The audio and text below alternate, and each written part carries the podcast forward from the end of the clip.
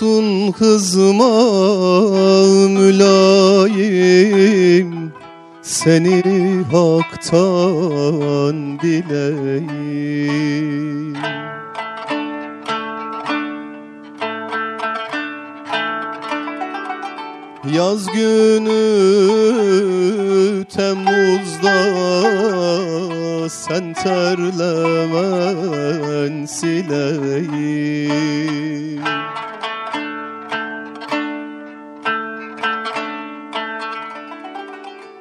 Yaz günü Temmuz'da sen terlemen sileyim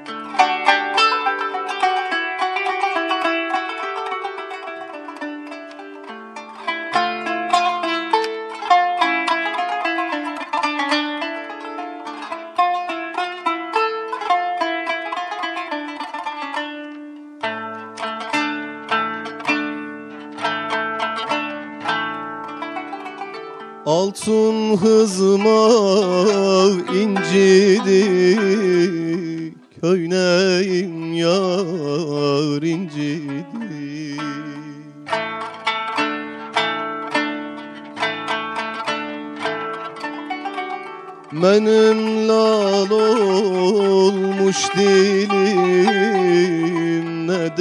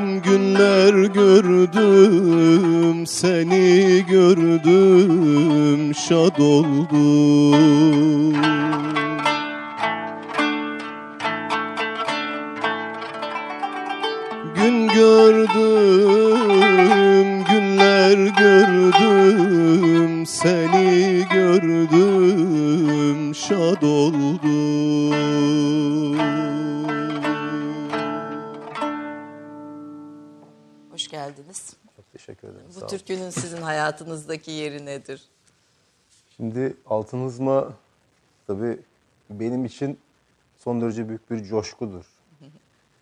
Heyecandır, cesarettir, özlemdir ve gurbettir. En çok ne zaman dinliyordunuz Ee, en çok e, Kerköy'e gitmezden evvel dinlerdim ve Kerköy'e gittiğim zaman dinlerdim. Şimdi e, Bağdat'tan e, yola çıkma zamanı geldiğinde ben e, altın hızma terapisini alırdım kendime. Bu bir terapi türküsü bu aynı zamanda değil mi? O coğrafyayı hissetmenin, kalbinde hissetmenin türküsü. A- amacı hissetmenin aslında. Amacı hissetmenin. Amacı hissetmenin. Ee, ve onunla beraber çıkardık yola Bağdat'tan. Ee, ilk önce e, bir Diyala tarafları belki.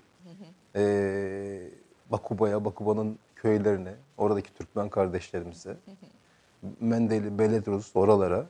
Oradan e, gidebilirsek Kifri'ye. Evet, mutlaka Tusurmat'ı tabii. Orada bir Tusurmat'ta bir e, Türkmen döneri yemeye. Bir Türkmen döneri Orada. orada.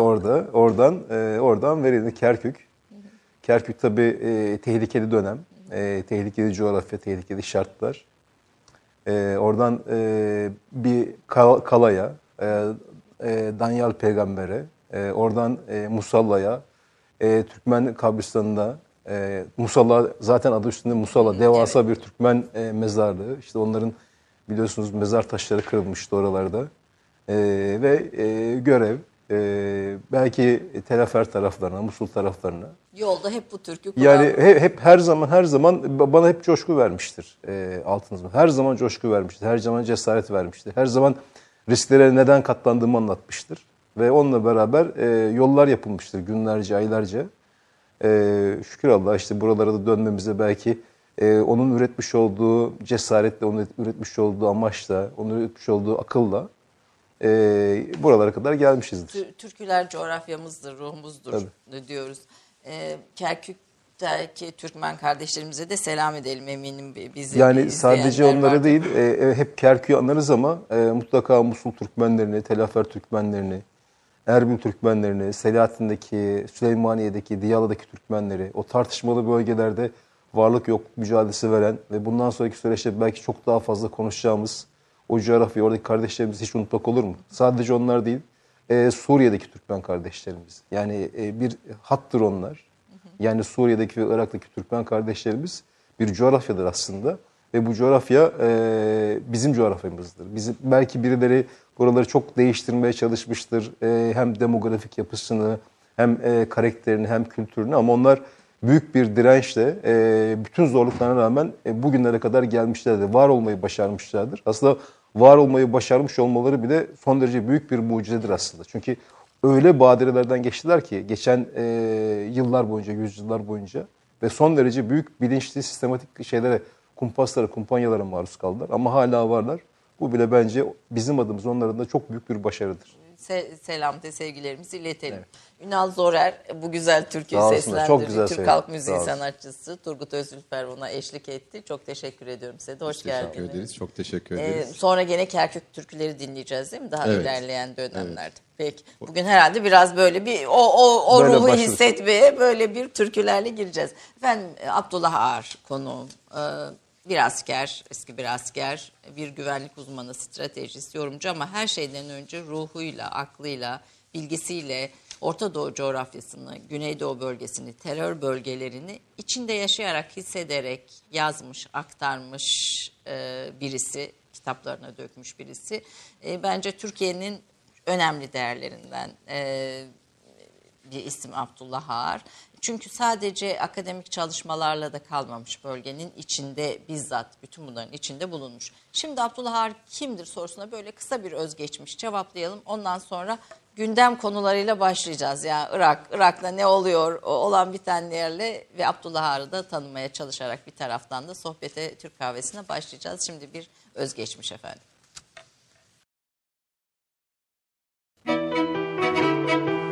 Abdullah Ağar 1967 yılında Ankara'da doğdu.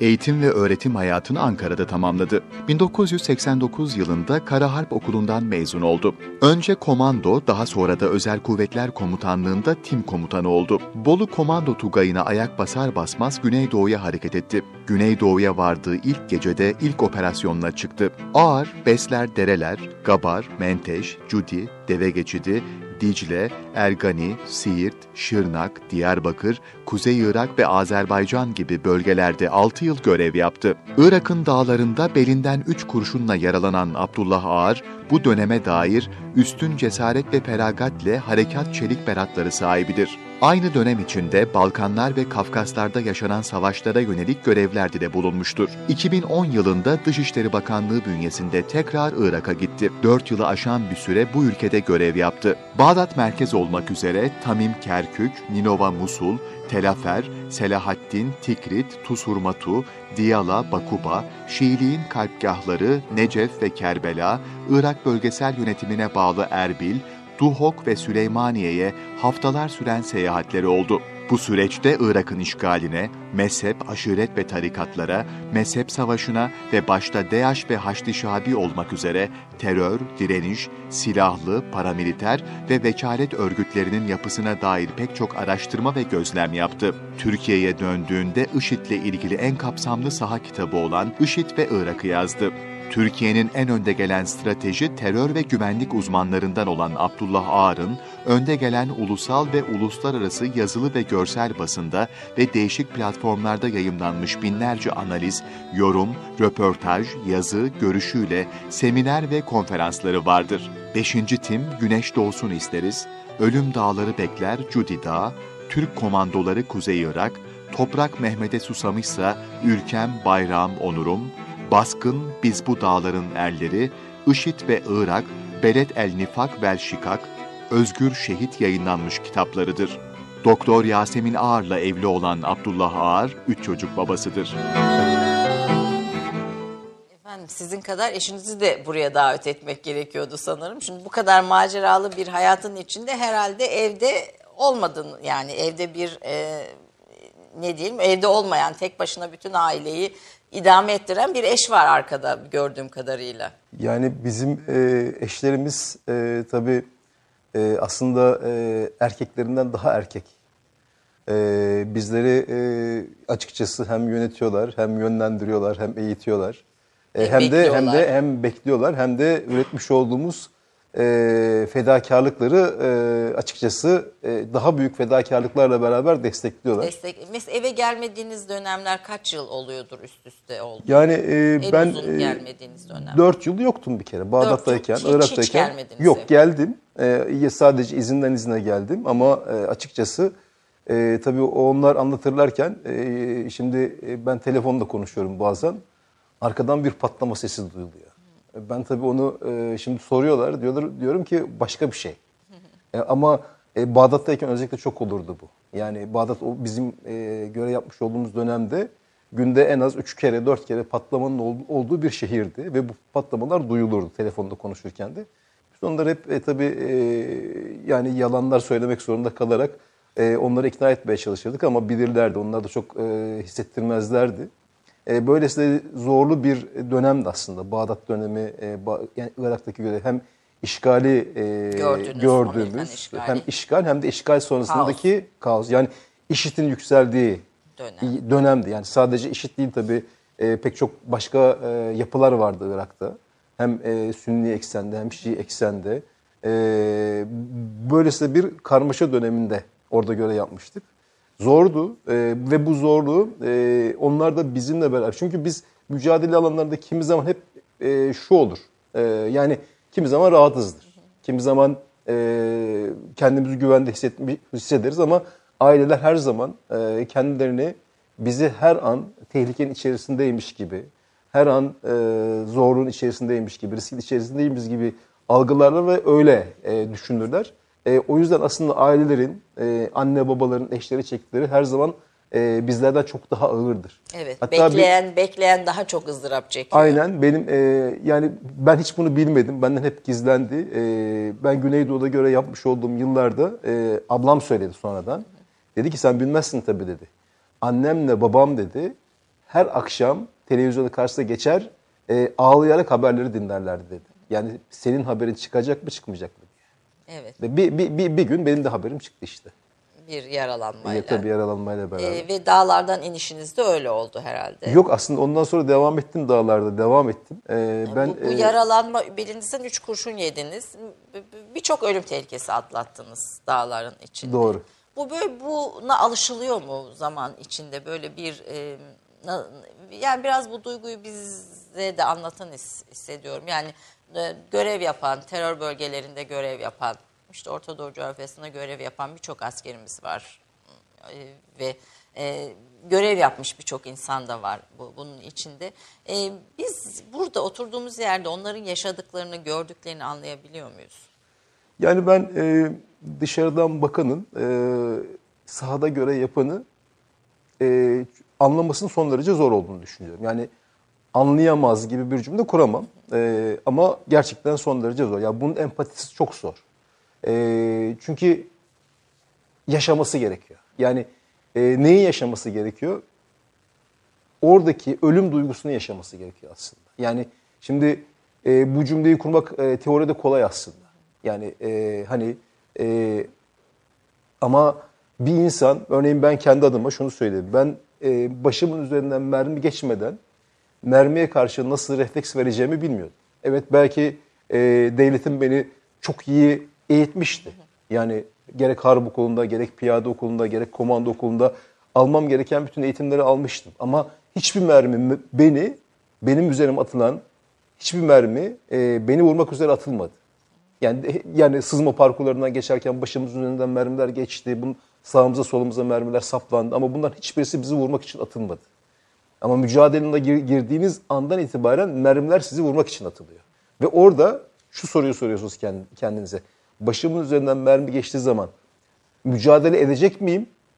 Ruhumun gücü buna yetecek mi? Yoksa korkacak mıyım, saklanacak mıyım? Ee, gibi bir şeye giriyorsunuz. Muhakemeye giriyorsunuz ve bu bunu ancak başınızın önünden mermi geçtiği zaman nasıl bir insan olduğunuzu kendini kendi kendinize ispat ediyorsunuz veya görüyorsunuz. Bu böyle böyle bir e, süreç ve bu sürecin içerisinde Allah'a olan inanç e, her şeyin ötesinde. Yani aslında e, üretmiş olduğunuz teoriyle ilgili e, bir pratik ve bu pratikle beraber bir ispat.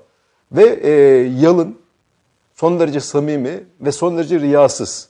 Hani bir, bizde bir cümle vardır ya, e, ölüme yakın olan Allah'a yakın olur. Aslında ben onu yaşadım orada dağda. Yani hani e, pek çok olayda ve bunu e, bir komutan olarak sadece e, kendi e, benliğinizde veya bireyselliğinizde yaşamıyorsunuz. Çünkü devlet diyor ki size bu askerleri sana teslim ediyorum diyor, emanet ya. ediyorum diyor. Bun, bunlarla diyor mücadele edeceksin diyor. Bunların canına hiçbir şey gelmeyecek diyor. Hesabını da senden sorarım diyor. Ve bununla beraber siz bir duygu geliştiriyorsunuz. Bunlar, bu canlar bana emanet.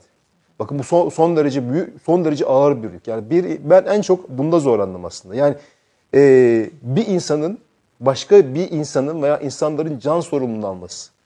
Ötesine bunlarla beraber bir mücadeleye tutuşması ve ötesine bir bunlarla beraber bir başarı, bir zafer kazanma zorunda olması.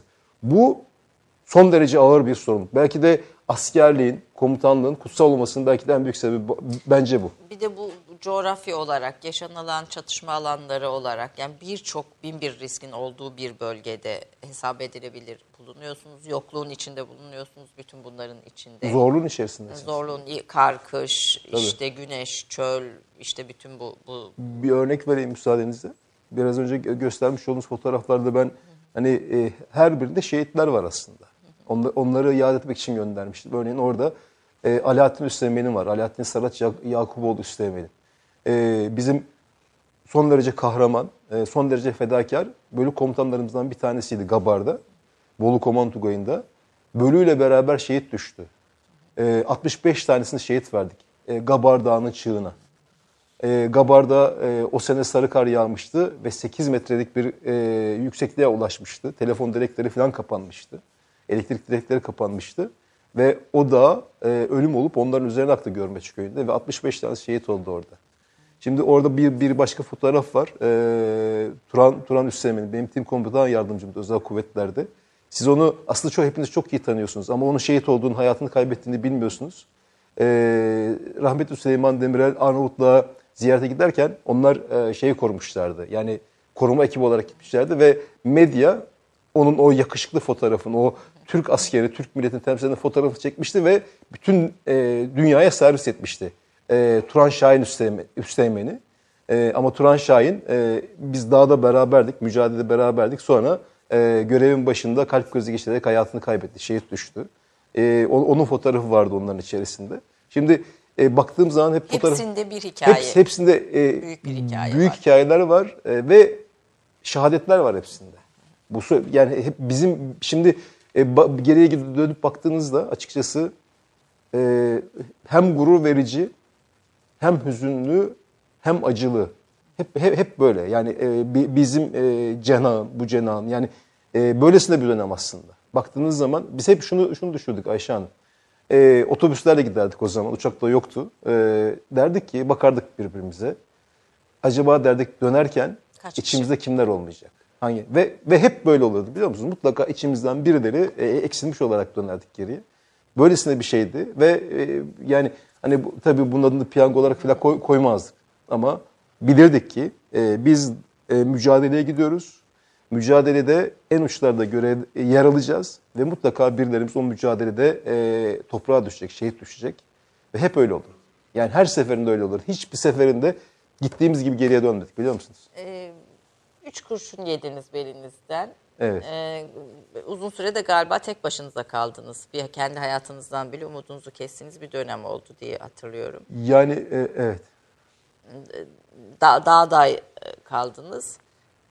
Şimdi tabii çok e, nevi şansına münhasır bir hikayedir o. E, ben aslında kitap yazmaya da o hikayeyi yazarak e, başladım. E, benim yazarlığım da aslında birazcık da oradan gelir.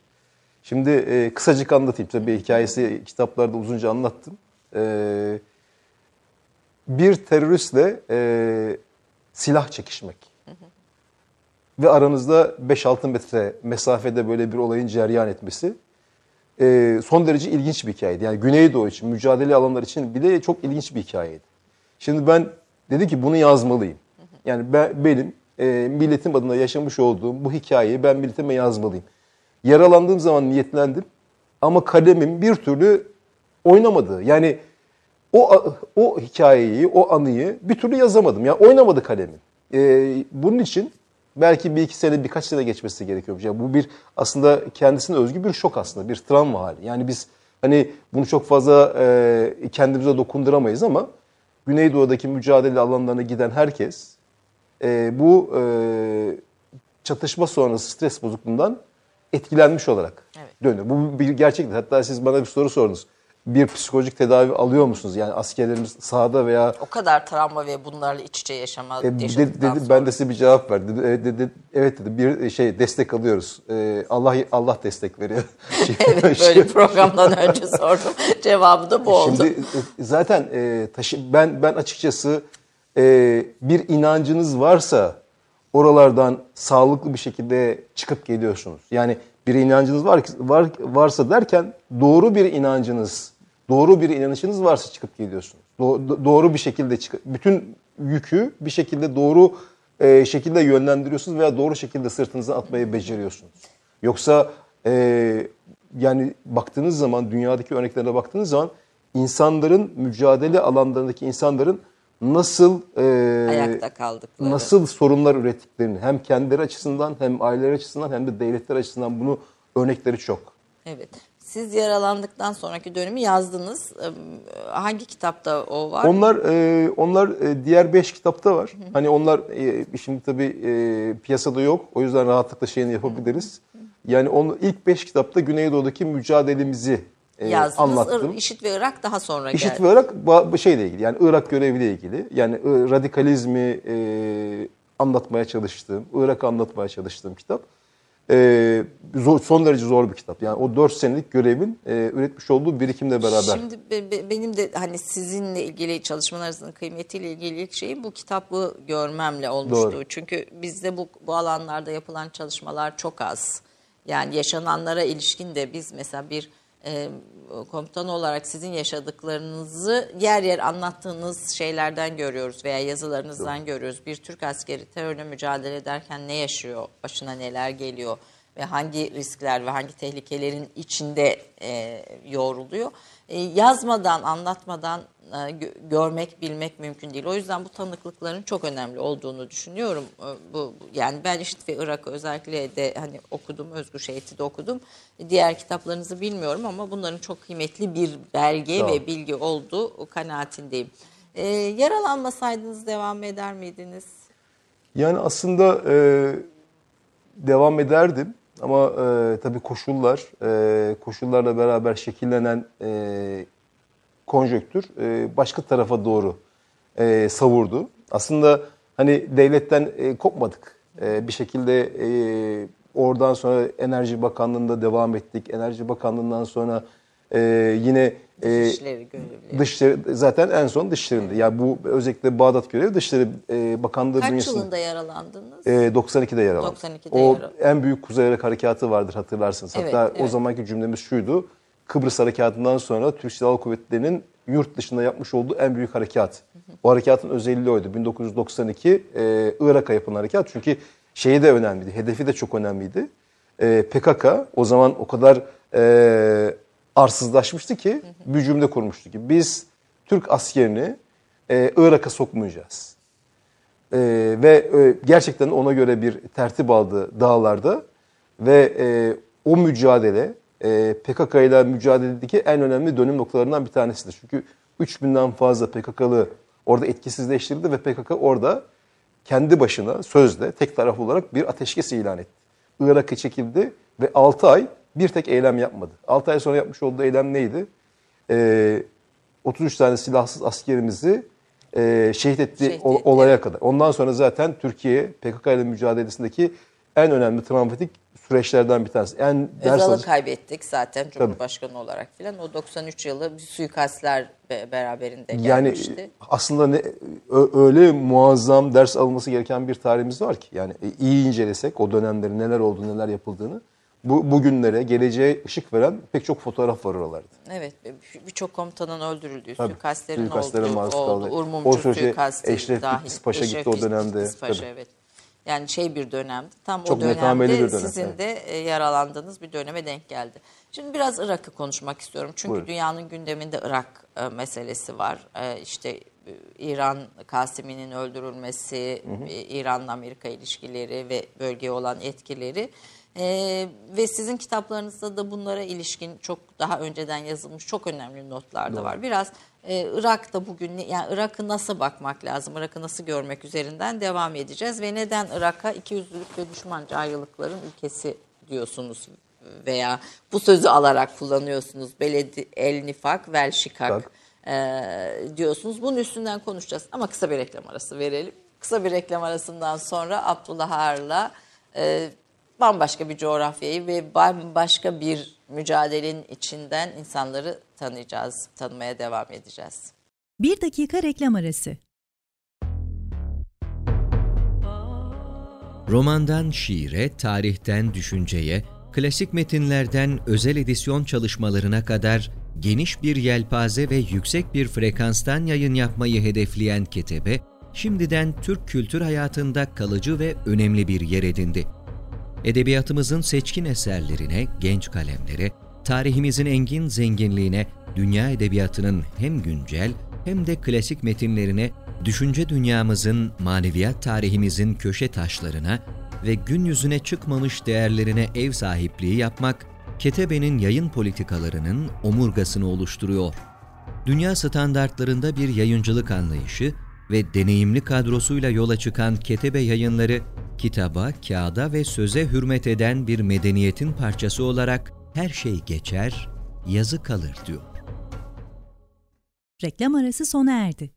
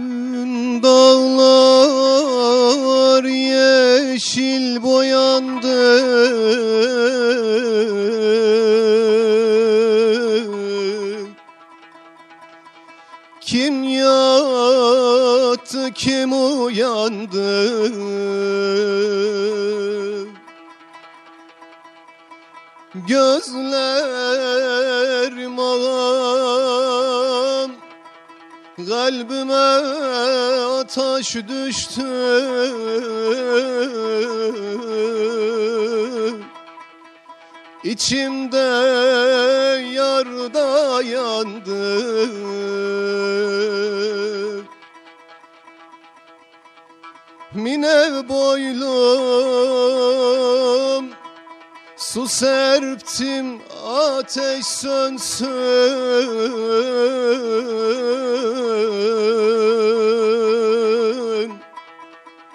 Serptiğim suda yandı aman aman. Aman aman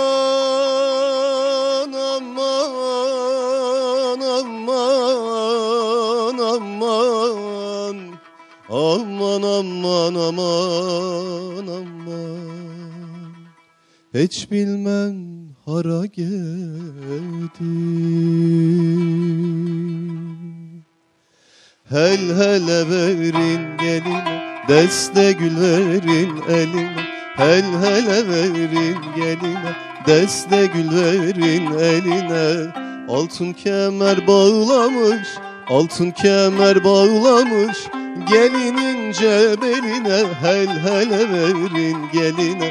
Deste gül verin eline Hel hele verin geline. Deste gül verin eline. Vay vay elinde terezi var cebinde çerezi var Elinde terezi var cebinde çerezi var. Alemden oynar güler Alemden oynar güler. Benimle garezi var baba Hel hele verin geline. Deste gül verin eline Hel hele verin geline. Deste gül verin eline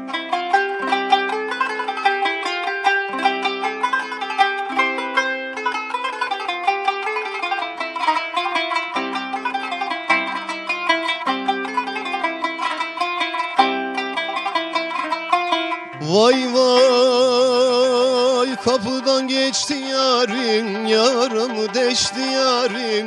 Kapıdan geçti yarim Yaramı deşti yarim.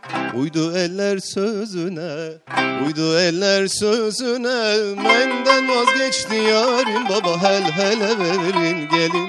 Deste gül verin eline Hel hele verin geline. Deste gül verin eline.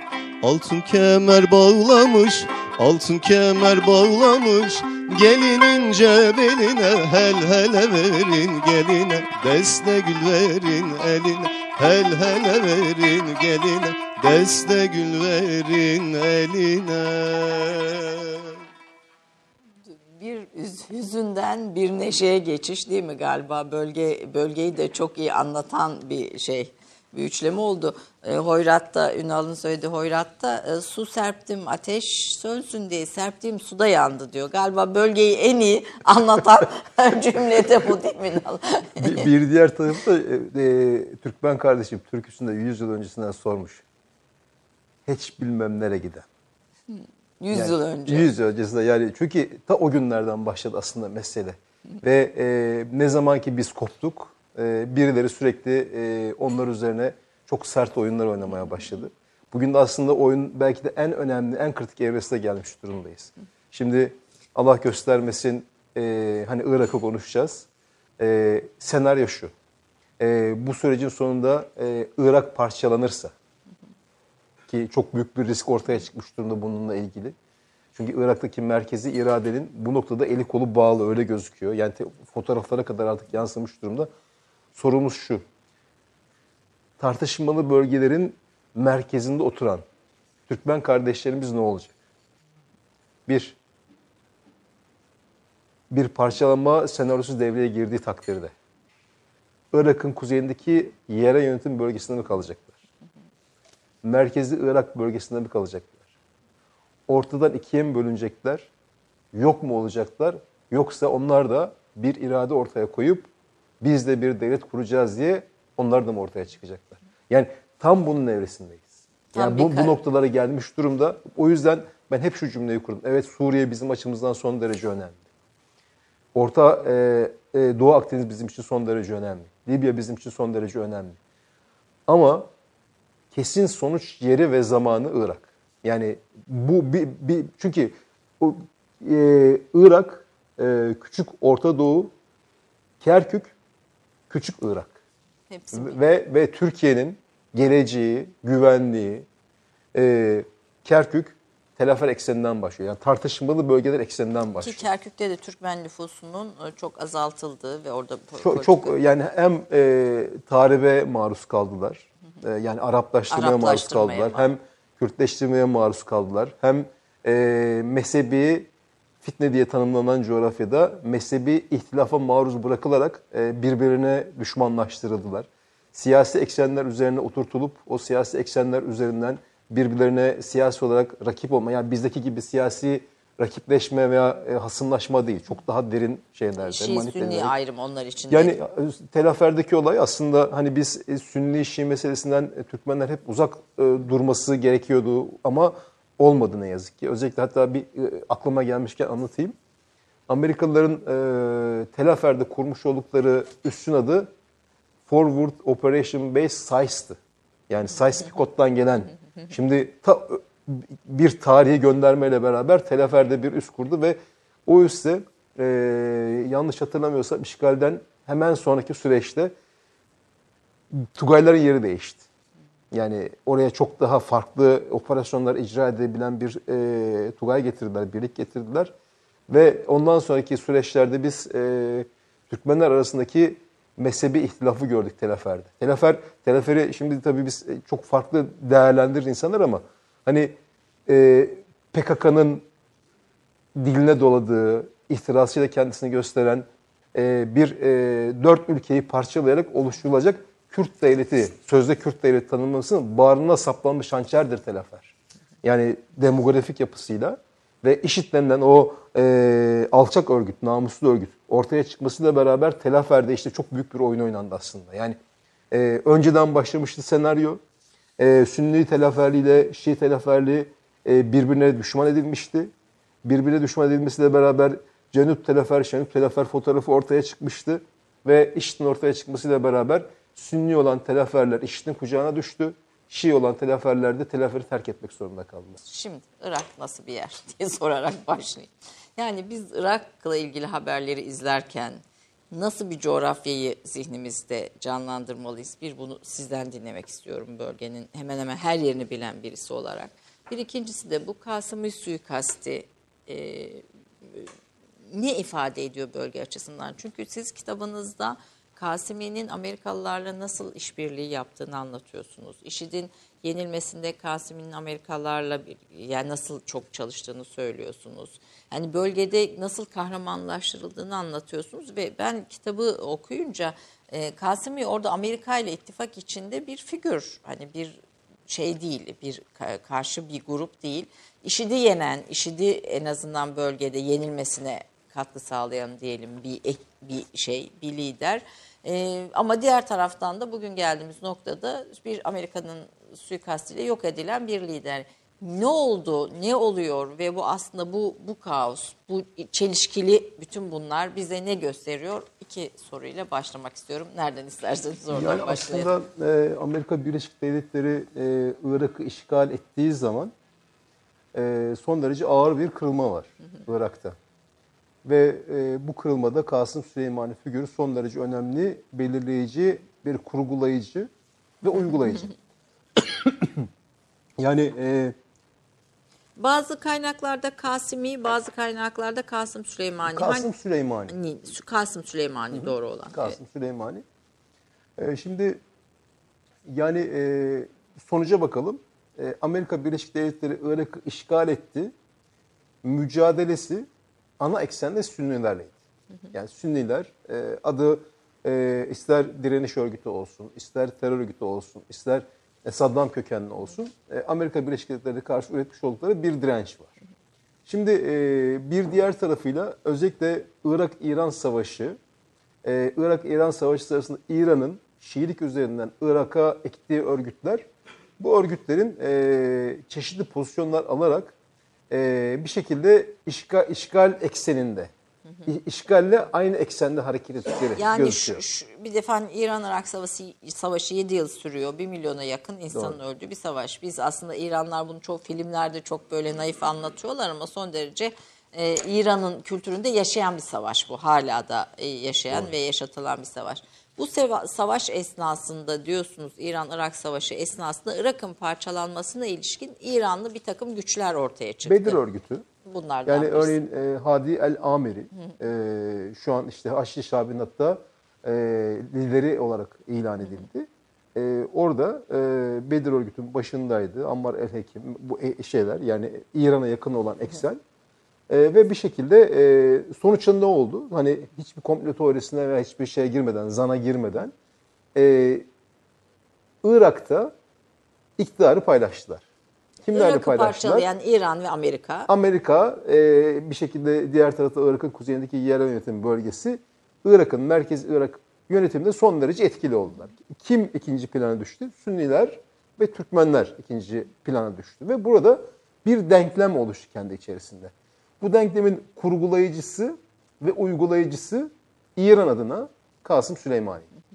Ve bir- açıkçası bu, bu zamana kadar son derece iyi yürüyen bir projeydi. Yani e, sadece IŞİD'le mücadele alanlarında e, kendisini gösteren bir fotoğraf olarak gözükmedi. Yani Amerika Birleşik Devletleri aynı eksende yer alan.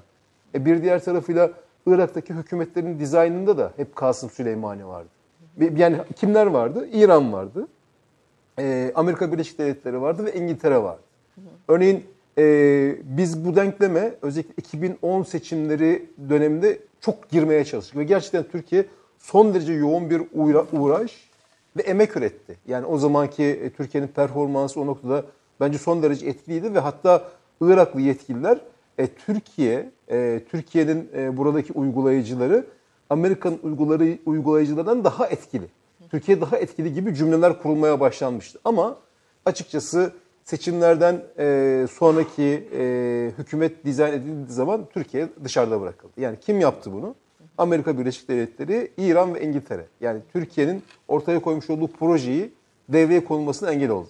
Türkiye daha barışçıl ve biraz daha Yani birleştirici bir Böyle olmazdı şey. Bakın ben açıkça söyleyeyim. Yani e, Türkiye çünkü orada şunu- 2010'da orada olsaydı Türkiye Tür- olabilseydi Türkiye'nin dışarıda ö- öğrenmiş kalmasaydı. olduğu model şuydu.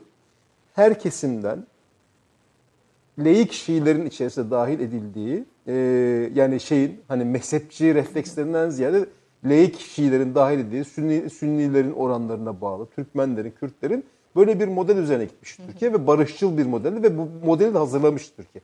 Ama Türkiye'nin dediği olmadı ya. Türkiye açıkçası orada çok uğraştı. Keşke başarabilmiş olsaydı. Çünkü buralara gelmezdi iş. Suriye de buralara gelmezdi. Çünkü yani Suriye'deki iç savaşı tetikleyen de aslında Irak. Irak evet. Yani o oradan okumak, doğru yerden okumak gerektiğini düşünüyorum. Hem şey üzerinden e, yani 3 milyon tane kaçkın oluştu e, işgalle birlikte. Bunların e, Bağız kökenli e, 2 milyonu Suriye'ye gitti. Hem aşiret bağlantıları üzerinden hem de e, rakip olan yani Sünni Bağız'la Nusayri Bağız'ın çatışmasına ve hatta I- İ- Irak'taki e, kaybın yani yenilginin mağlubiyetin rövanşı e, Suriye'de bir hesaplaşmaya dönüştü. Ve bu, bu açıkçası Suriye iç savaşını tetikleyen ana fotoğraflardan bir tanesi olarak karşımıza çıktı ve buralara geldi iş. Şimdi burada tabii e, son evrede çok da uzatmadan yani çünkü çok detaylı bir konu, ağır bir konu. e, Kasım Süleyman'ın Amerika Birleşik Devletleri'nin Kasım Süleyman'ın öldürülmesine neden olan e, bir karşılaşmaya girdiklerini görüyoruz. Şimdi aslında Amerika Birleşik Devletleri Kasım Süleyman'ı öldürürken Kasım Süleyman'ı öldürmedi veya onu hedef almadı. Kasım Süleyman'ın temsil ettiği ideoloji, e, siyaset ve strateji hedef aldı bence. Neydi o? Şimdi o e, özellikle Hamane ekseninin e, yani Hamane ekseninin temsil etmiş olduğu e, Mehdiyeti hedef aldı aslında. Bakın i- bir teolojik cümle kuruyorum burada. Şimdi neydi o? E, şimdi aslında Irak Şiasıyla e, İran Şiasındaki temel e, inanç farklılığına denk gelen hani hep bizim kurmuş olduğumuz bir cümle vardır ya e, istihbarat servisleri hassasiyetleri kaşır. Hassasiyet yoksa bir hassasiyet yaratır, yaratmış olduğu hassasiyeti kaşır. Öyle bir konudan bahsediyoruz aslında şimdi. Yani İran Şiasıyla e, Irak milliyetçisi Şia arasındaki hassasiyeti Amerika Birleşik Devletleri'nin kaşıdığını ve Kasım Süleymani suikast üzerinden bunu son derece güçlü bir darbeyle tetiklediğine göre. Şimdi buradaki yaptı? te- teolojik hassasiyetten söz Doğru. ediyoruz. Yani inanç inanç düzeyinde iki Şia ekibi, Doğru. Irak Şiası ve İran Şiası'nın e, Mehdi inancına ilişkin iki farklı şey var, söylemi var. Doğru. Ve bu bu söylem, bu bu rekabeti Amerika kullanarak e, devam etti diyorsunuz. Rekabet demeyelim de bu farklılığı Bu kullanarak. farklılığı bakın Pompeo ne yaptı? Ee, suikasti gerçekleştirdikten sonra atmış olduğu tweette Kasım Süleyman'ın öldürülmesine sevinen Iraklı Şiilerin görüntüsünü paylaştı. Yani diyor ki Iraklı Şiilere arkanızdayız diyor. Trump da dün bir Farsça tweet attı biliyorsunuz. Ee, gösteriler patlak verdi biliyorsunuz. Ka- Amir Kabir Üniversitesi'nde başta olmak üzere Tahran'da ve son derece ağır ithamla, ithamlarla Hamane'ye hatta E, Ben ilk defa böyle bir şey duydum mesela Doğru. İran'da Süleymani katil Hamaney e, Hamisi gibi. hamisi gibi Ham- laflar. Hamane, Hamane diyor ki diktatöre ölüm diyor. Bakın mercayete bir üniversite öğrencisi bir slogan atarak büyük bir kitle binlerce insan bu cüm yani İran aslında hani bir, bir takım cümleler kuruldu. Bu nasıl bir şey biliyor musunuz? Ee, inisiyatifi ele geçirme savaşı veriyor aslında her ikisi de yapmış olduğu hareketlerle. Ne yaptı? Büyükelçiliği basarak çok ilk- önemli çünkü bir anda İran aleyhine Irak'ta şekillenen bir Şii inisiyatif vardı gösteri üzerinde. Diyorlardı ki İran dışarı. Amerika dışarı diyorlardı. Şimdi bir anda bir elçilik işte e, şeydeki 45. Tugay Komutanı Ali Hazali'nin işte Ashab-ı Ehlül Hak'ın lideri Kays Hazali'nin işte yakını e, onu gerekçe göstererek bütün Irak güvenlik kuvvetlerini domine etti. Yeşil bölgeye girdi. Giremezlerdi. Yeşil bölge girilemez bir alandı gösteri. Girdiler. Büyükelçiliği bastılar. Büyük, büyük bir olay. E, Trump için de büyük bir travma. Ve ondan sonra o, o gösterileri unuttuk derken bu sefer Kasım Süleymani'ye vurdu. Kasım Süleymani'ye vurmasından sonra bu sefer o e, son derece önemli ve ciddi bir hamle yaptı. Irak'taki üslerine vurdu.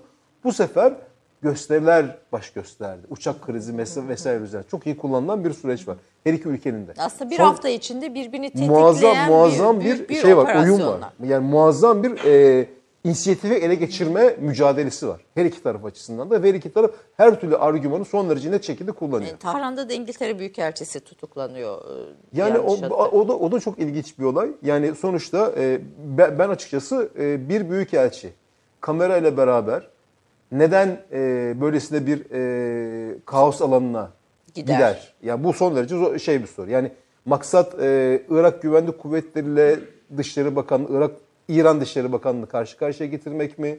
Hani zaten bir yalnızlaşma projesi var. O yalnızlaşma projesine e, bir şekilde e, bir e, bu şekilde bir etkili ortak ortak olmak mı? Bir diplomatik kriz yaratmak mı?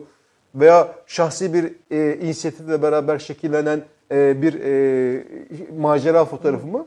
Ama açıkçası bir kriz. Yani hatta e, sonuçta İngiltere çok sert bir açıklamayla beraber e, İran'ı yola gelmeye davet eden bir fotoğraf ortaya koydu. Bu Büyükelçiliğinin işte e, bir şekilde tutuklanması üzerine. Çünkü bir vaka ürettiler. Bu vaka üzerinden bir e, diktedici bir cümle kurdular. Yani bu bu da önemli.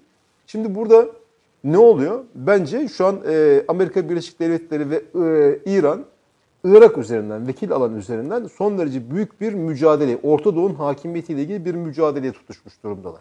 Ya bir yani sonuçta evet menfaat odaklı ama bir e, inisiyatifi ele geçirme mücadelesi veriyorlar şu an. Şimdi inisiyatif kimler üzerinde? Aslında toplumsal katmanlar üzerinde. Şimdi toplumsal katmanlarla ilgili mücadeleyi nasıl yapacaklar? Ben benim okuduğum şu. Biraz önce bir e, boyut e, ortaya koymaya çalıştık. Ee, Irak Şiasıyla yani Irak milliyetçisi Şia'yla İran Şiasının e, arasındaki rekabetin e, yaşanan bir takım toplumsal gösteriler, e, işte yolsuzluk, işsizlik üzerinden e, derinleştirilmeye çalışıldığı ve İran'ın mümkün ise Orta Doğu coğrafyasından çıkartılması, mümkün değilse domine edilmesiyle ilgili bir fotoğraf var. Peki fotoğraf sadece bununla mı ilgili? Bizi ilgilendiren bir başka boyutu daha var. PKK kullanılmasıyla ilgili, PKK'nın kullanılmasıyla ilgili bir mücadelede tanık oluyor olabiliriz. Adı konmasa bile. E, burada Kasım Süleymani güçlerinin PKK ile ilişkilerinin iyi olduğuna dair notlarınız var sizin. Doğru. Yani yani Kasım Süleyman bu konudaki son derece önemli bir figürdür. Ee, sadece o değil, yardımcısı komutan Ereç. Yani yani bir ekip idare ediyor zaten bu işi ve bu ekibin e, içinde şu an işte e, İran açıkçası e, yani PKK'yı kendi hedef ve menfaatleri doğrusunda çok iyi kullanmayı başarabilmiş bir ülkedir. Bakın bizimle bir devlet olduğumuz halde e, hiçbir zaman gerçek anlamda sonuç alıcı bir PKK müşterek mücadelesine girmemiştir İran. Yani e, İran topraklarını hiçbir zaman e, ben kullandırıyorum dememiştir ama fiiliyatta PKK. İran topraklarını, Ermenistan topraklarını hatta ring yaparak bir e, yuvalanma, bir dinlenme alanı olarak kullanmıştır. Bir diğer tarafıyla Kandil Dağı'nın örneğin e, orada bir PKK ana karargahına, sözlü ana karargahına dönüşmesindeki en önemli figürlerden bir tanesi Kasım Süleymani'dir. Çünkü o şunu düşünmüştür. E, Zab Avaşin Basyan'daydı biliyorsunuz PKK'nın Evet. ana karargahı ama Kandil'e taşındı. İstemiştir ki sen buraya gel, burayı Kandil gibi stratejik bir e, e, topografik zirvenin, arazinin e, Merkez İran hali. aleyhi grupların, örgütlerin kullanılmasına sen gel buraya yerleş, kullanmasına engel ol. Yani tam bir PKK'yı tampon unsur olarak kullanmıştır ve PKK'yı Türkiye'yi domine eden, baskılayan, Türkiye'nin enerjisini hemen ufkunu kapatan bir örgüt olarak var. Çünkü biz bakın bizim bizim son derece önemlidir. Bizi PKK'ya hapsetmişlerdi. Bakın biz PKK hapsini, PKK hapsinin duvarlarını daha yeni yeni yırtmaya başladık. Yeni yeni bir başka dünya olduğunu görmeye başladık ve her adımımız birilerini son derece ağır bir şekilde rahatsız ediyor. Türkiye'nin ileriye doğru atmış olduğu her... Yani hani bir e, Türkiye'nin biz ne yaptık, ne yapmak zorunda kaldık yıllar boyu? PKK ile mücadeleyi kendi topraklarımızda kabul etmek zorunda kaldık. Ve bu bizim içimizde son derece ağır travmalar, son derece ağır istikrarsızlıklar ve maliyetler üretti. Şimdi Türkiye diyor ki çok net bir cümleyle ben bundan sonraki mücadelemi kendi sınırlarım içerisinde değil, kendi sınırlarımı aşan coğrafyalarda yapacağım. Son derece önemli bir e, Tez koyuyor. düşünce bu. Bir Çok, çok strateji önemli bir koyuyor sı- ortaya. bu- bunu tabii bunu uygulamadaki etkinlik son derece zor. Yani bu, bu gerçeği de görmemiz gerekiyor. Çünkü her bir taraf kapatılmış ve kimse gel biz sana burada yer açtık demiyor. Yani bunu zorluya zorluya bir gelecek arayışı içerisine girmiş durumda Türkiye ve bu açıkçası hiç de kolay olmayacak. Yani bunu hani kolay olacağını zanneden birileri varsa yanılmıyorlar. Çok zor olacak ama ya- yapacak biz yapabilir miyiz? Yapmaya kudretimiz yeter. Ama son derece zor, son derece riskli ve bir diğer tarafıyla da e, açıkçası başarılabildiği takdirde geleceğin bize ait olan, biz en azından bizim dünya dünyanın geleceğinde söz sahibi, rol sahibi olmamıza sebebiyet verecek bir uğraşın Yani içerisindeyiz bizim şu an. önümüzü açacak strateji de budur diyorsunuz. Başka bir yolda yoktur. Mücadele, sonuna kadar mücadele. Ya eğer bu mücadeleden, bu girmiş olduğunuz yoldan e, ben vazgeçtim falan demeye de hakkınız yok artık. Çünkü vazgeçtiğiniz zaman bedeli de çok ağır olur. Öyle düşünüyorum. Çünkü e, hem millete ait olan ufuk, hem millete ait olan hedef, hem millete ait olan inanç hepsinin akamete uğramasıyla ilgili de bir başka risk fotoğrafı ortaya çıkar. Ortaya çık- Vazgeçildiği takdirde. Yani Türkiye burada olmak zorunda ve dışarıda bu Doğru, mücadeleyi mücadele vermek zorunda diyorsunuz. Bir de İlk başta Kasım'ı anlatmaya başlarken Mehdiyat inancı üzerinden e, e, şekillendiriyor Amerika dediniz. Bu inanç nedir? Yani bir taraftan evangelizmin bir şeyi var, kıyameti hazırlama senaryoları var. İşte e, 15 Temmuz öncesinde Fethullah Gülen'in bir açıklaması vardı. İşte kıyameti beklemek, kıyameti hazırlamak üzerine yine o da öyle bir şey söylemişti. Bu işlerin ta 17. 18. yüzyılda Sabatay Sevi'den, Frankistlerden e, gelen bir şey var. Kıyameti beklemek ve kıyamet hazırlamak diye. Yani farklı inançlarda ve bizim de tabii Me- Mehdi inançlarımız var. Farklı inançlarda ve mezheplerde bir Mehdi inancı var. Burada Amerika'nın kullandığı ve halkta e, kaşıdığı duygu ne? Şey ne? E, ne diyelim? e, fikir ne? Şimdi aslında hani e, ben bir din adamı değilim elbette. E, ama benim sahada görmüş olduğum e, gerçek, pratik ve kendi üretmiş olduğum e, bilgi ve tecrübe. Yani Allah diyor ki e, gaybı sadece ben bilirim. E, herkesin Mehdisi Kur'an'dır. E, de- demi- demiş olduğu halde e, toplumlarda e, bir e, çaresizlik hastalığıyla birlikte bir Mehdi veya bir ilahi kurtarıcı Bekleyişi. bekleyişi var. Yani bu Şia öğretisinde farklı, Sünni öğretisinde yani kavramsal olarak aynı ama onlar herkes herkes kendi Mehdi'sini bekliyor ve herkes aslında bir şekilde bir kıyamet savaşına hazırlanıyor. Böyle böyle, böyle bu bu Yani en bunu büyük Irak'ta bu. hissettiniz mi? Yani Irak Şiasıyla işte e, oradaki İran Şiası arasındaki bu ayrımı, bu farkı Şimdi mı? Amerika Birleşik Devletleri de zaten bunu yapıyor. Şimdi sorun orada zaten. Şimdi e, bakın Fethullah Gülen, FETÖ e, işte 2000'li yılları başla, başlangıcında bir anda bir kavramı ortaya attı. E, milenyum çağı. Bir baktık ki milenyum çay ocağı, milenyum kız öğrenci yurdu, milenyum çay bahçesi gibi son derece halkın içerisinde de etki üreten bir kavram. Kavramlar, kavramlar üzerinden başlayan bir kurgu. Yani insanlık 3. bin yılda kıyamet çağına hazırlanmaya başlandı. FETÖ kimin e, öğretisiydi? Hepimiz çok iyi biliyoruz. Yani İslam'ın içerisinde ekilmiş ılımlı İslam veya dinler arası diyalog modelleri üzerinden e, bir e, bir aslında bir e, etki ajanı. Yani kavramsal bir ajan. Ve bu kavramsal ajan etkisini öğretmeye başladı ve ben o zaman baktım dedi ki ya dedim bu milenyum hikayesi ne? Bu mil- milenyum kelimesi ne? Araştırdım bir baktım ki 3. bin yıl kıyamet çağı yazıyor karşılığında. Ve e, Hristiyanlık orijinli bir e, kavram. Şuna inanıyor. 3. bin yılda kıyamet kopacak. Kıyamet kopmadan evvel biz Tanrı'nın bize vaat ettiği topraklara geri döneceğiz. E, Tanrı'nın onlara vaat ettiği topraklar neresi diye dehşetle baktım araştırdım. Ve bizim coğrafyamız çıktı. 8 ilk kilise. Bu alan. Yani bizim bizim topografyamız. Şimdi şimdi bu to, topora, Amerika Birleşik Devletleri'nin 2001 e, 11 Eylül saldırısı ve özür dilerim e, 11 Eylül saldırısından sonra başlayan işgal fotoğrafı. Tamamıyla he- her şey e, teolojik bir ihtirasla veya veya bir doğmaya inanışla beraber şekillenmeye başladı. Şimdi bakıyorsunuz IŞİD merheme kübra yapıyor. İşte nerede? Dabık'ta ve Amak'ta. Dergilerin adı bunlardı Konstantinli ile beraber. Şimdi e, neresi bunlar? E, yine Anadolu, Hatay, Hatay coğrafyası, Ami- Amik Ovası ve e, Dabık işte bizim aslında Türk Silahlı Kuvvetleri e, Fırat Kalkan Harekatı'nda muazzam büyük bir iş yaptı. Dünya tarihiyle ilgili bir şey. Yani e, bu doğmalarla ilgili, bu hani dogmatik inanışlarla ilgili o yalanı kırıp attı, paramparça etti. E, Merheme-i Kübra yapacağım diyordu Dabık'ta en büyük yeni, yenilgisini aldı ve yenilgisini almasından sonra IŞİD ondan sonra bir daha hiç toparlayamadı farkındaysanız. Yani ne yaptı? İnanç eşiğini kaybetti. Güven eşiğini kaybetti, direnç eşiğini kaybetti. Moral eşiğini kaybetti Dabık'ta. Ve ondan sonra bir, bir daha BAP'ta yapılan son nihai mücadeleyle birlikte bir daha hiçbir yerde tutunamadı. Ne yaptı? İşte Orta Fırat Havzası'nda e, bir bir varoluş, yol kuruluş mücadelesi vermek zorunda kaldı. Ve ondan sonra IŞİD, IŞİD şeyiyle beraber yani inanç iddiasıyla beraber ortadan kaldırıldı. Bu- buradan geleceğim şey şu. Bakın onda bir Mehdiyet inanışı var.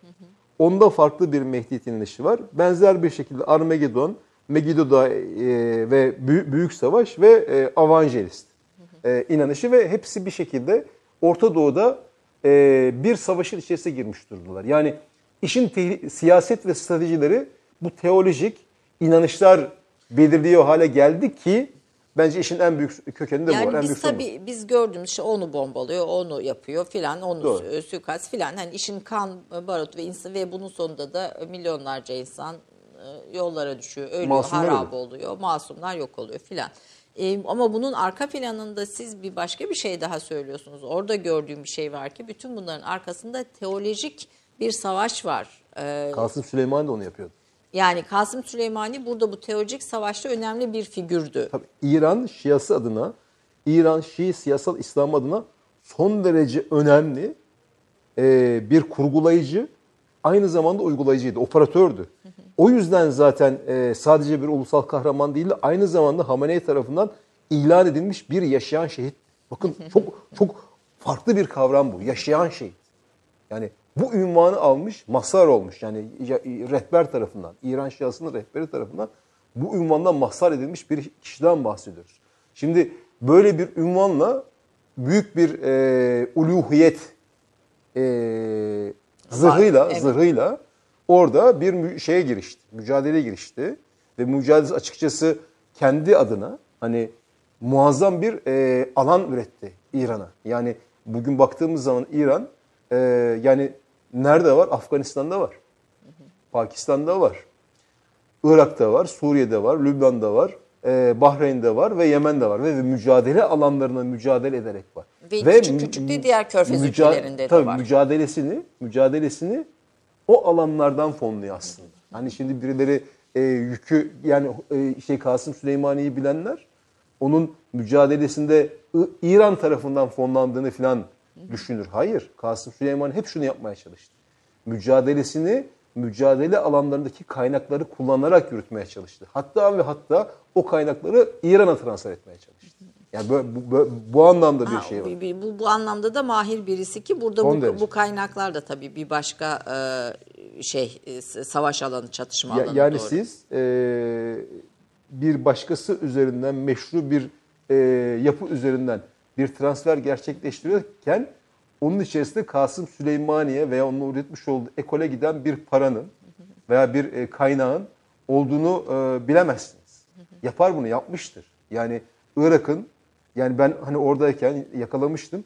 Günde 3000 tır Irak'ın petrolün alınıp başka alanlara sevk edildiğini, başkalarının petrolüne karıştırıldığını ve onların başka güzergah- güzergahlar üzerinde satılarak gelir kaydedildiğinde e, e, bunu bunu yakalamış. Ya işin aynı zamanda bir de büyük para trafiği Son- ve o para trafiğini yöneten konu onunla bir, bir, bir- Evet. sadece para değildir. Burada uyuşturucu e, başka şeylerde elbette bu petrol e, başka kaynaklarda giriyordur tabii bu şeyin için. Yani şimdi yani Ayşe Hanım tabii o Orta Doğu'dan bahsediyoruz. O yani Orta Doğu'da e, inanç e, kisvesi adı altında muazzam e, yani inanç dışı faaliyetlerin altına imza atılmıştır. Bu bir gerçek. Şimdi ve bu bunun bunun adını adını aslında şöyle doğru yerden koymamız lazım. E, menfaatler. Yani kimisi e, dini eksendir, kimi mezhebi eksendir, kimisi mezhebi alt eksendir, kimisi siyasi eksendir, kimi meşrebi eksendir, kimisi meşrebi alt eksendir ama hepsinin ortak bir özelliği vardır. Hepsi menfaat eksenidir. Yani bu şekilde tanımlayabilirsiniz çok rahatlıkla. Hiç kimseye de güvenin olmayacağı bir coğrafyadan söz ediyoruz galiba. Yani aslında hiç, burada burada başka bir şey daha söyleyeyim. Daha iddialı bir cümle. Ee, eğer zihninize ve inançlarınıza sızmalarına müsaade etmişseniz ben derim ki kendinize de güvenmeyin. O kadar. O- o kadar yani. Peki bir reklam arası. Bir kısa ara, bu kısa aradan sonra e, bu- bu etkili sohbete devam ediyoruz. Bir dakika reklam arası. Romandan şiire, tarihten düşünceye, klasik metinlerden özel edisyon çalışmalarına kadar geniş bir yelpaze ve yüksek bir frekanstan yayın yapmayı hedefleyen Ketebe, şimdiden Türk kültür hayatında kalıcı ve önemli bir yer edindi. Edebiyatımızın seçkin eserlerine, genç kalemlere, tarihimizin engin zenginliğine, dünya edebiyatının hem güncel hem de klasik metinlerine, düşünce dünyamızın, maneviyat tarihimizin köşe taşlarına ve gün yüzüne çıkmamış değerlerine ev sahipliği yapmak, Ketebe'nin yayın politikalarının omurgasını oluşturuyor. Dünya standartlarında bir yayıncılık anlayışı ve deneyimli kadrosuyla yola çıkan Ketebe Yayınları, kitaba, kağıda ve söze hürmet eden bir medeniyetin parçası olarak her şey geçer, yazı kalır diyor.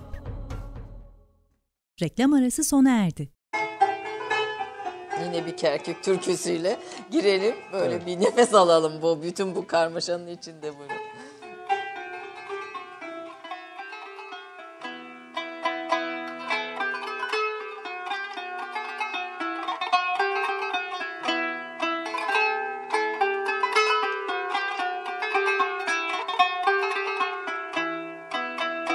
Kar etmez ahım sen gülizare Kar etmez ahım sen gülizare.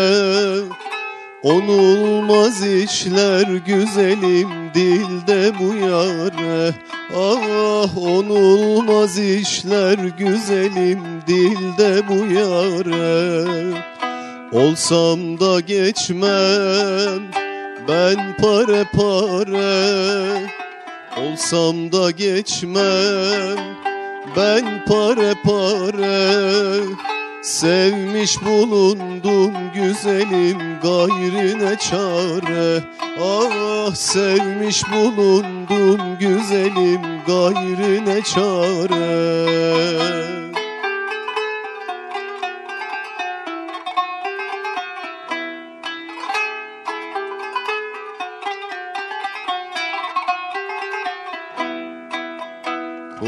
Koyaksın eşkim billahi silmem.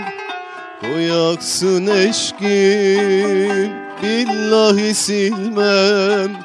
Mecnunun oldum güzelim terk edebilmem. Ah Mecnunun oldum güzelim terk edebilmem. Kessen de başım senden kesilmem Kessen de başım senden kesilmem Sevmiş bulundum güzelim gayrine çare. Ah sevmiş bulundum güzelim gayrine çare Allah Ünal iyi ki geldin Türk kahvesine Turgut sen de öyle. Şimdi bu bu bu bu kaos ortamında değil mi böyle bir nefes oluyor Evet. bize bir bir şey oluyor bir dinlenme diyelim. Başka yerlere de götürüyor. Başka yerlere Başka in- insanın götürüyor. kendisine götürüyor en azından bütün bu olan bitenin bu hilenin desisenin içinde. Ee, Irak'a niye iki yüzlülüğün ve düşmanca ayrılığın di- diyarı diyorsunuz? Tabii ki Hazreti Ali'nin bir sözünden Şimdi e, yola aslında çıkıyorsunuz e, ama Hazreti Ali'ye ithaf edilen, onun söylediği e, ifade edilen Irak'ta öğrenmiş olduğum bir cümle. Hatta yani teyit etmek için de çok uğraştım. Pek çok yerden hani e, teyit gelince ben de kitabın alt başlığı olarak aldım. Şimdi e, gerçekten o kadar net ki yani o e, İslam dünyasının kendi içerisinde ortaya koymuş olduğu o güç ve menfaat eksenlerinin e, Irak'taki ortaya koymuş olduğu o parçalanmışlık. Şimdi e, adı tevhid ve vahdet olan bir din nasıl ayrılığa, gayrılığa ve fitneye hizmet eder? Bu, bu, bu gerçeği bugün aslında e, masaya yatırmanın veya bundan ders çıkartmanın tam zamanı diye düşünüyorum. Çünkü şimdi e, Hazreti Peygamber'den sonra başlayan büyük bir sorunlar yuma. yumağı var ve bugün bakın dışarıdan değil, içeriden, Türkiye'de neşleri vurdu FETÖ, neşleri vurdu IŞİD, İR'in bünyeden dışarıya aktı. Şimdi bünyenin İR'in biriktirdiğini gördük. Akanını da gördük. Ama içeride hala var. Şimdi bunun tespitini ve teşhisini yapmak son derece önemli. Geleceğin şekillenmesi adına ve çözümün bir parçası olmak adına. Şimdi şöyle bir gerçek var. Şimdi herkes kendisini hak görüyor. Kendisini hak gören güç odağı, menfaat odağı veya eee, bir alt tanımlama diğerini batıl olarak görüyor. Kafir olarak görüyor. Zındık olarak görüyor. Mürtet olarak görüyor. Tağut olarak görüyor. İşte örneğin sahadaki gruplar. Türkiye'yi tağut, zındık, Sayın Erdoğan'ı tağut, zındık, mürtet ilan etmiş durumdalar. Sadece o değil, birbirlerinin de öyle. Mücadele edenler kendilerine bağlı fetva makamlarına fetva alıyorlar. Diyorlar ki bu batıldır, katli vaciptir. Cihat, cihat. Şimdi sonuç herkes, Müslümanlık iddiasındaki herkes birbirine cihat ilan ediyor. Birbirini doğrayan diyor ki ben şehit oluyorum. Bu bozgu. Orta, ya şu an çöküşün temel sebebi bu. Ullaştırılmış kişiler, ullaştırılmış ideolojiler, ullaştırılmış inanışlar sonuç bu. Yani burada burada işte e, Türkiye'nin üstleneceği rol ortaya çıkıyor. Bir, bir- belki kavramsallaştırmak gerekiyor aşağının tehdit şeyi sorunu ve tehdidi. Şimdi e, şu an İslam coğrafyasında benim görebildiğim kadarıyla yüzlerce siyasal ve ideolojik İslamcı model var. Onlarca FETÖ ve FETÖ'nün dahil olduğu ılımlı İslamcı model var. Binlerce radikal İslamcı model ve örgüt var. 12 ana ekolden ürediğini ifade ve iddia eden binlerce cemaat ve tarikat var, meşrep var. Ee, bölgesel İslam modelleri var. Zamansal İslam modelleri var. Bunların hepsinin uhdesinde, hepsini kuşatan bir mezhep fitnesi var. Ve mezhep alt grupları var.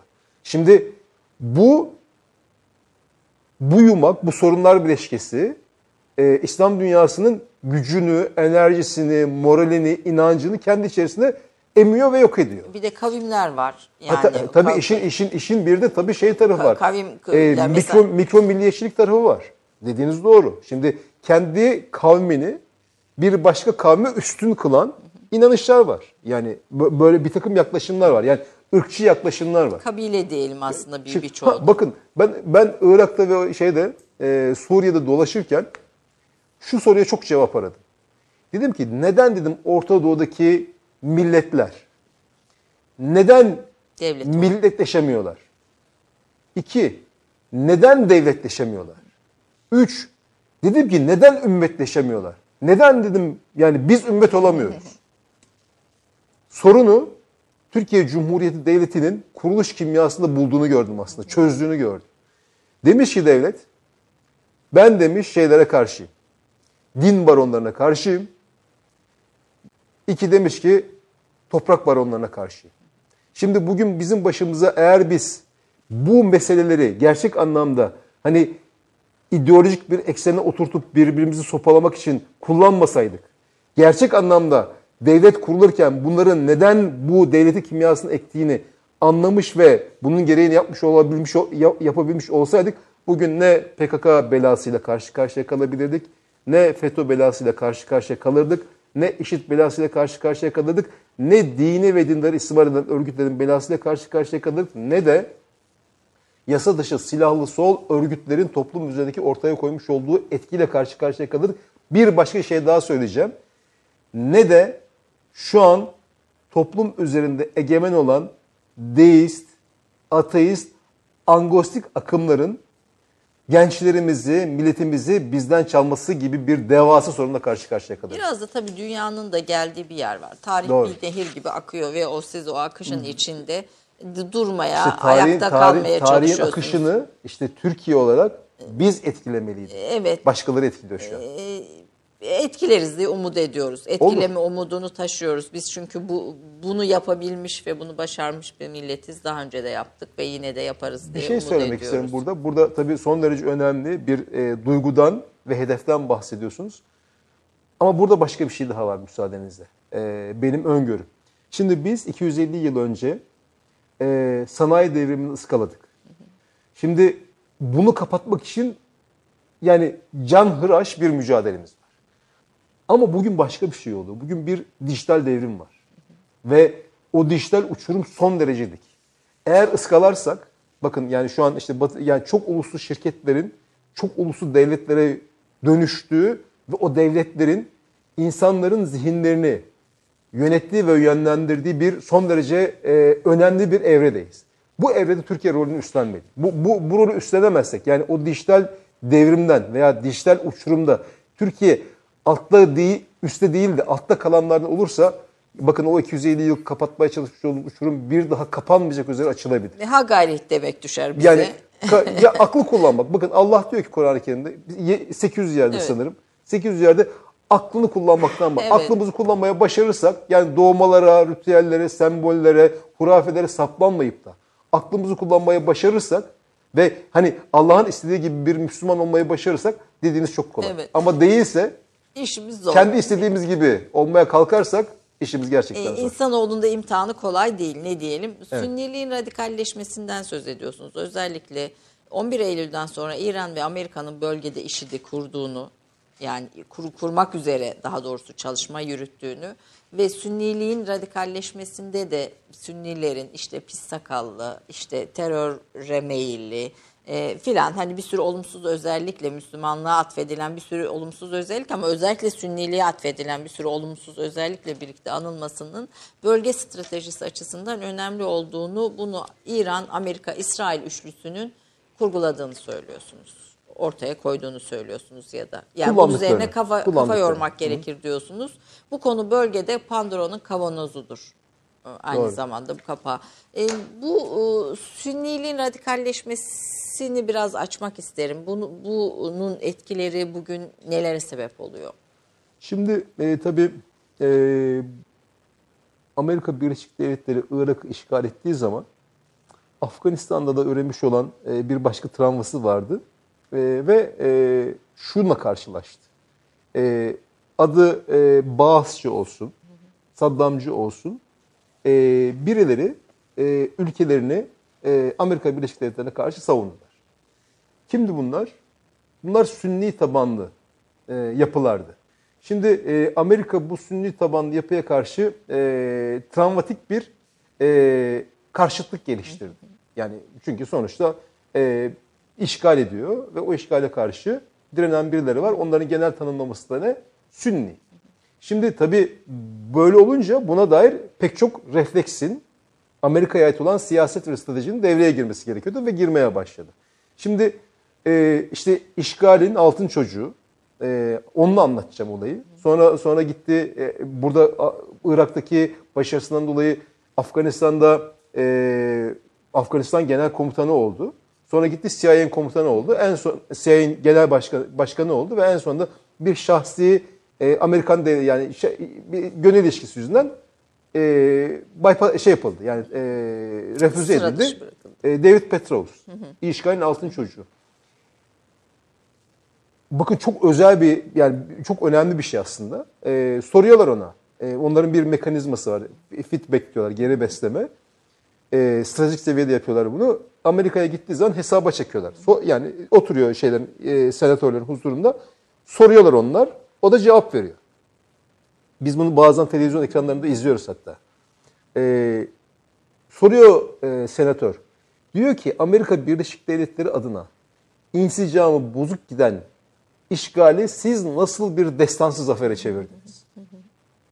Çünkü bakın 10, 11 se- 8 sene süren bir işgal ve e, yaklaşık e, 350 bin kilometre karelik bir alan ve burada bir- muazzam bir e, operasyon, devasa bir operasyon, e, insanlık tarihinin en büyük yığınağı yapılarak ve verilen zayiat işte e, 4747 Amerikan askeri ölmüş.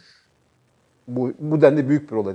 Ya bu, bu tür riskli harekatlarla karşılaştığı zaman son derece küçük bir rakam. Soruyor. Diyor ki cümlesi şu. Ben size bunu diyor e, nasıl açıklayayım? Dört maddede açıklayabilirim diyor. Bir, search diyor. Yani atılım aslında ama kuvvet arttırım aslında. Yani 100 bin civarında olan rakamı 150 bine çıkarttık diyor. Yani hani burada aslında e, hani biz de bir- bugün Libya'da bir harekatın eşliğinde Evet, evet. bir, bir, bir şey olsun diye, bir, yan- bir yandan da bir kıyas olsun diye. Hani sadece e, bir boş bir atıfta bulunmamaya çalışarak, anlam kazandırmaya çalışarak. Bunun sonucunda istediğimiz yerde, istediğimiz zamanda, istediğimiz şekilde mevzi üstünlük elde edebilecek bir kabiliyete kavuştuk diyor. İki, Sadır grubunun domine edilmesi. Beni Sadır grubunun. Yani bu, bu şu demek, Şiilerin Sünniler safı, safında direnişe dahil olmasına engel olduk diyor. Ne olmuştu? Olay neydi? Felluce kırılma noktası. Ee, hemen işgalin hemen sonrasında Amerikalılar işte 6 tane mi 8 tane bu Blackwater çalışanını Sünniler Felluce'de yakaladılar ve dilekler astılar. Felluce Köprüsü'nün üzerine. Amerika bunu gerekçe göstererek hani o zaman du- duymuş uranyum çekirdekli mermileri Evet, falan evet, kullan- evet. büyük bir yıkım üremişti. Öyle büyük bir şey ki yıkım ki bu herkes ayağa kalktı. Sadır grubu da ayağa kalktı ve Sadır dedi ki ben dedi isyana dahil olacağım, direnişe dahil olacağım. Sadır'ı Amerikalılar kendileri değil, vekil güçleri kime? Diğer Şiilere dövdürdüler. Mehdi ordusunu. Ve ondan sonra işte Sadır dedi ki ben dedi tamam pes ediyorum. Mer, işte mercayet olacağım İran'a gitti falan böyle bir takım şeyler. Üçüncüsü sahvalar. Yani Sünni, Sünnilere karşı savaşan Sünniler. Bakın Sünnilere karşı savaşan Sünniler. Ambar'da Ahmet el Burişa, e, Abu, e, şey, Ebu Rişa aşireti şey gelirdi, Bush gelirdi, Bağdat'a gitmezdi. İlk önce or- oraya giderdi. Ambar'a inerdi, o aşiretlerle buluşur. O aşiretler alıp Beyaz Saray'da falan ağırladılar. Yani Sünnileri karşı Sünnilere mücadele ettirme işte durumu ve dördüncü madde. Diyor ki secret operation. Yani gizli operasyonlar. Şimdi senatörleri tabii akıllı adamlar. Diyor ki nasıl yaptınız diyor secret operasyon, gizli operasyonları. Efendim diyor Petrous, hücreleri diyor kendi içinden çökerttik diyor. Şimdi hani bu terminolojiye hakim olanlar hücrelerin kendi içinden çökertilmesinin iki yol olduğunu düşünürler, bilirler. Bir, ya hücreyi siz kendiniz kurarsınız ya da hücreyi kendi adamınızı sokarsınız. için adam. Yani bu şekilde Irak'ı e, Amerika Birleşik Devletleri manipüle ederek, Irak'taki toplumları bu şekilde manipüle ederek, birbirine düşürerek, yani Vekaletler Savaşı'nın tecrübesini oralarda oluşturarak orada muazzam bir e, laboratuvar kurdu aslında. Ve o laboratuvar 2011 işgalinden sonra Vekaletler Savaşı olarak bizim e, kapımıza dikildi. Ve Vekaletler Savaşı konusunda gerek Amerika Birleşik Devletleri gerek Rusya son derece akıllı, son derece tecrü- tecrübeli ve e, kuramsal olarak, e, kavramsal olarak kendi şeylerini, kendi devletleri adına bunun mücadelesinin metotlarını geliştirmiş olan insanlar ve biz şu an onlarla o sahada boy göstermeye çalışıyoruz. Yani aslında biz de şu an kendi e, vekaletler savaşımızı öğreniyoruz. Onlar vekaletler savaşını e, kendi devletleri adına ve insanlığın e, ismar adına inşa ettiler. Yani biraz önce siz bir cümle Evet, kurdunuz. evet. Yani 650 bin insan ölmüş Suriye'de. Irak'ta 1 milyondan fazla insan ölmüş. Kimin umurunda? Türkiye işte bunları engelleyecek tarzda bizim ve coğrafyanın iyiliği adına, istikrar adına bir vekaletler savaşı yürütmek zorunda bu saatten sonra. Kolay mı? Bakın son derece zor ve son derece netameli.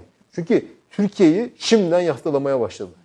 Bizim buna Diyorlar karşı... ki diyorlar ki Türkiye diyorlar bakın YPG PKK'yı Marksist, Leninist, enternasyonalist bir örgütü, özgürlük savaşçısı, demokrasi kahramanı, laik ve seküler bir örgüt diye dünyaya pazarlarken laik ve seküler olan bir ülkeyi bu kavramla oynayarak işte ne diyorlar?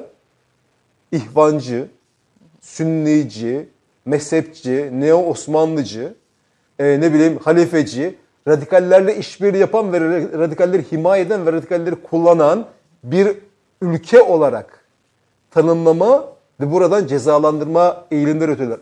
Aynı kimin gibi? Aynı İran gibi. Yani bu tuzağa Türkiye'nin düşmemesi gerektiğini düşünüyorum. Ve burada belki Müslüman üst paydasını kullanarak. Tabii canım yani, yani, yani, o, o, kadar çok şeyden, şimdi bir diğer tarafıyla da bu tür fotoğraflar üzerine, bu tür operasyonlar üzerine, kavramsal operasyonlar üzerinden İslamofobiyi destekliyorlar. kendi dünyalarında egemen hale getiriyorlar. Ne yaptılar? Aslında bir başka boyut oluştu. Bu ortaya çıkan denklem üzerinden Batı dünyasıyla arayış içerisindeki olan Batı dünyasıyla İslam arasına ağzına kadar kan dolu geçilemeyecek bir hendek inşa ettiler. Ettiler ve Bu ve ve burada da açıkçası bu projenin mimarları açıkçası bu noktada son derece başarılı oldu. başarılı oldu. Umarım devamında başarılı olmazlar. Ee, Bize bağlı. Bize bağlı ve çok az da bir süremiz kaldı. Siz umutlusunuz. Yani bütün Kesinlikle, her yazılarınızda zaman. ve Ben- hem Türkiye'den hem şey, e, Türk insanından e, um- umutlusunuz ve Türkiye'nin bu işin içinden çıkacağına inanıyorsunuz. Bu çok güzel bir şey. Bir diğer taraftan ben biraz da bir Türk kahvesinde bunu hep yapıyorum ama bu sefer konu biraz böyle ağır olunca her ne kadar türküyle biraz böyle bir, Evet. bir ruh katmaya çalışsak da fazla yapamadım. E, Mesela ne okursunuz? Yani sizin gibi birisi mesela roman okur musunuz? İşte ne bileyim kendinizi reha- rehabilite etmek demeyeyim dinlendirmek için yani bu konuların hepsi ağır konular çünkü. Böyle dinlenme alanlarınız neler olur? Hani e, bir- biraz böyle daha normal insan olarak yani böyle güvenlik analisti vesaire e, komutan, eski komutan falan değil yani normal bir insan olarak Abdullah Ağar ne yapar? Biraz onu da dinlemek isterim. Aslında Ayşe Hanım ben e, e, ben bu dünyaya e, başlangıçta bir hobi falan diye girmiştim. Yani hani e, insanların e, bilmedikleri bir dünyadan geliyordum. Bilmedikleri bir şeyleri biliyordum. Bunlarla ilgili muhakeme yapabiliyordum. Yani dağdan geliyordum, çölden geliyordum. İşte dini ve dinleri istismar eden yapıları biliyordum.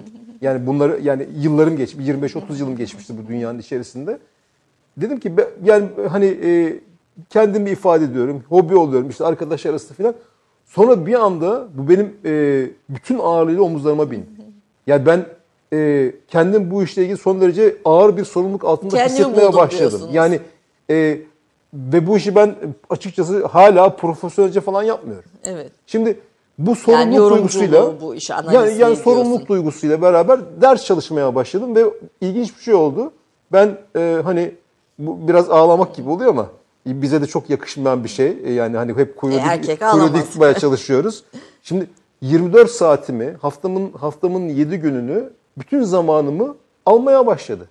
Kendimle ilgilenemez oldum, eşimle ilgilenemez oldum, çoluk çocukla ilgilenemez oldum, ailemle ilgilenemez oldum.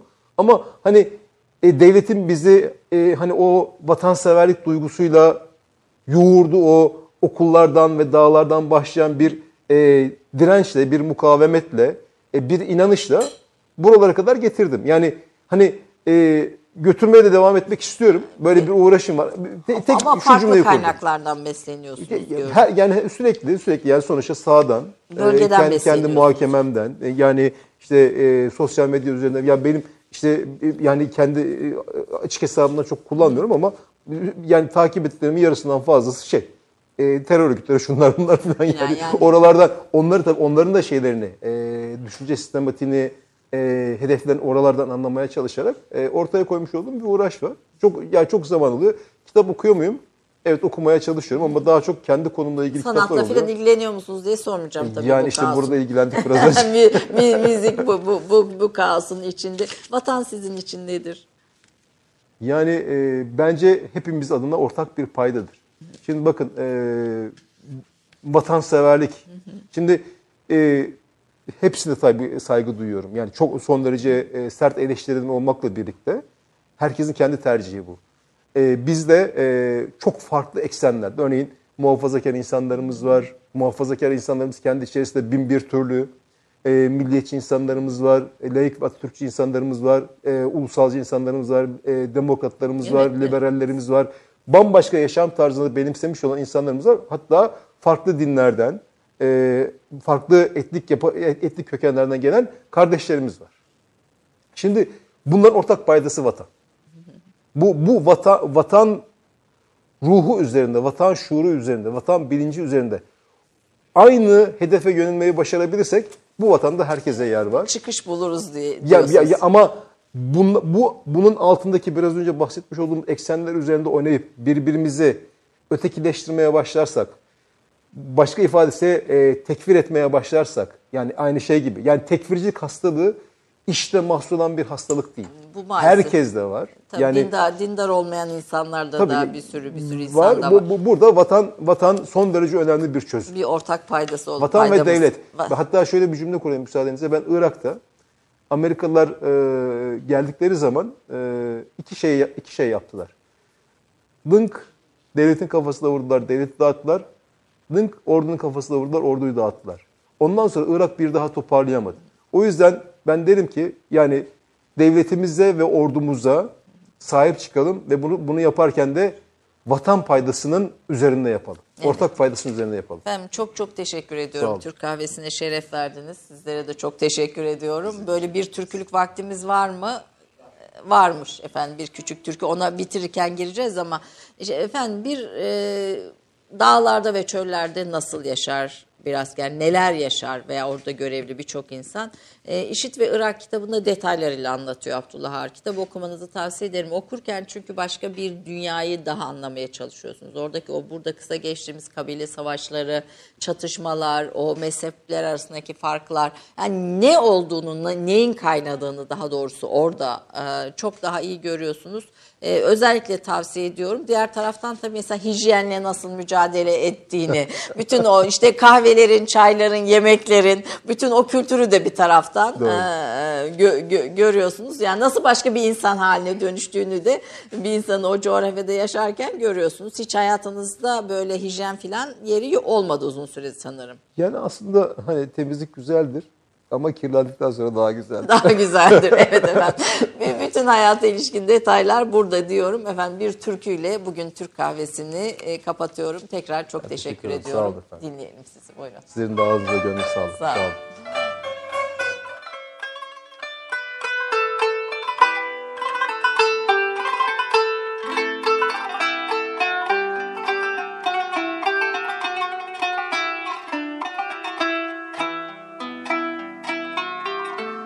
Uzun ince bir yoldayım.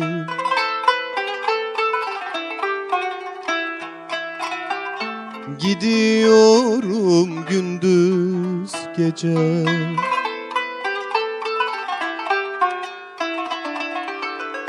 Bilmiyorum ne haldeyim. Gidiyorum gündüz gece gece gündüz gece gündüz gece.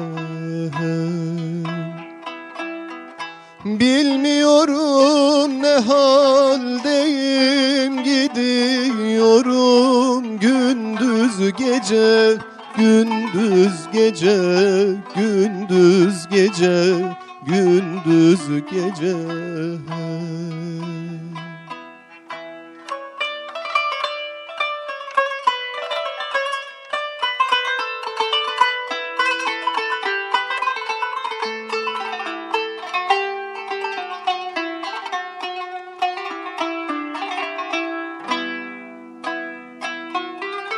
Şaşar Veysel iş bu hale.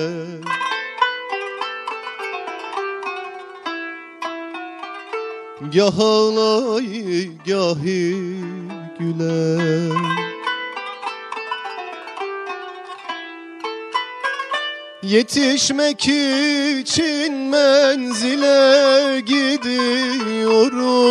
Gündüz gece gündüz gece gündüz gece gündüz gece.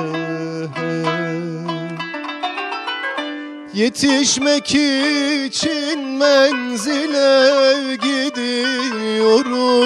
Gündüz gece gündüz gece gündüz gece gündüz gece